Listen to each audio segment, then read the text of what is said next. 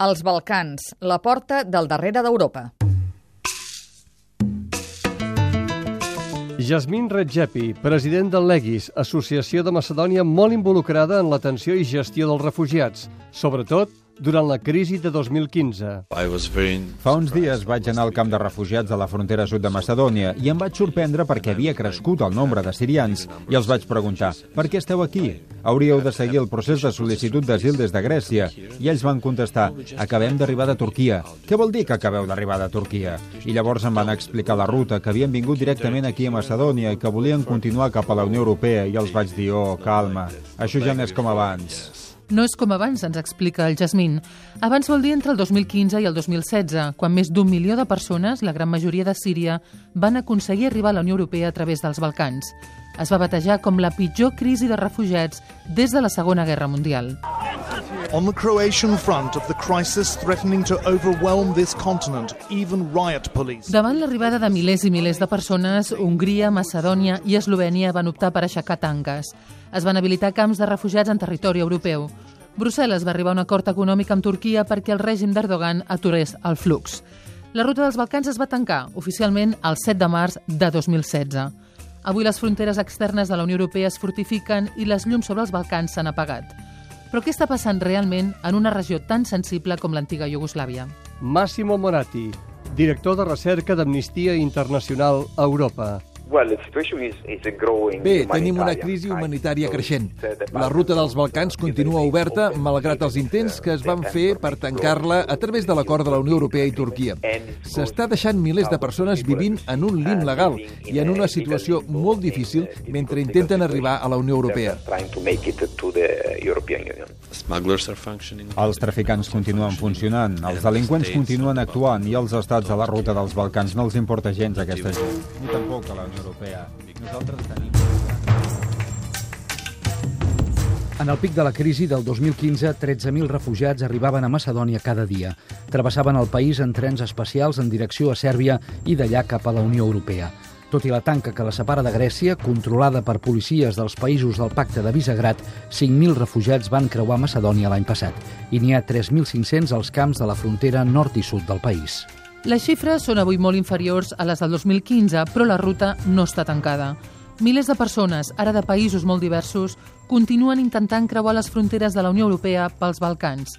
S'han obert noves rutes, han sorgit nous problemes. Mladen Lakic, periodista d'investigació del diari online Balkan Insight, treballa a Sarajevo, Bòsnia. El més adequat seria dir que la ruta dels Balcans ha canviat. Molts immigrants i refugiats ara utilitzen Bòsnia com a país des d'on arribar a la Unió Europea.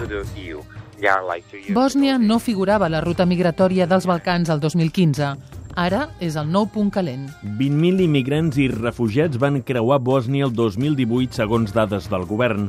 3.500 estan avui atrapats al país. Organitzacions com Amnistia parlen de 5.000. A partir d'aquestes dades i del que ens expliquen els entrevistats des del terreny, agafem el mapa de l'Europa Oriental. En lloc d'entrar per les illes gregues, els refugiats accedeixen ara a territori europeu per terra ferma, de Turquia a Grècia pel riu Ebros. Des d'allà s'obren dues rutes, per Bulgària cap a Sèrbia o per Albània cap a Montenegro. En els dos casos, el destí final és el mateix, Bòsnia i Hercegovina, des d'on els refugiats intenten creuar a Croàcia i arribar així a la Unió Europea. El problema és que Bòsnia està envoltada per uns rius enormes, unes muntanyes altíssimes i uns boscos difícils de travessar a peu. Aquesta és una de les raons per les quals fins ara no figurava la ruta dels Balcans i per les quals Bòsnia no va tancar les fronteres el 2015, perquè és molt difícil, jo diria que impossible. The town of Bihać in Bosnia-Herzegovina Bihać i Velika Kladuša són dos petits pobles a la frontera de Bòsnia amb Croàcia on es concentren els refugiats i immigrants. També la capital, Sarajevo, amb vetustes fàbriques, instal·lacions militars i en tendes molt precàries. La seva arribada ha enriquit els traficants, equipats amb mapes per salvar els terrenys minats durant la cruenta guerra dels 90. El pitjor és que Bòsnia no està equipada per gestionar aquestes persones perquè té problemes de governança. Això es va degradant i està creant una situació potencialment perillosa a la mateixa frontera de la Unió Europea. Bòsnia i Hercegovina no pertany ni a la Unió Europea ni a l'espai Schengen. És un país pobre, amb una estructura administrativa complexa, que afronta en solitari es queixa una situació que està tensionant la relació amb els països veïns, Sèrbia i Montenegro, en una regió d'equilibri precari. En un informe molt recent, Amnistia Internacional denuncia, a més, que la policia de Croàcia utilitza la violència per expulsar els refugiats que aconsegueixen creuar la frontera des de Bòsnia. Una situació que es confirma amb algunes gravacions i amb testimonis que recullen els periodistes bosnians.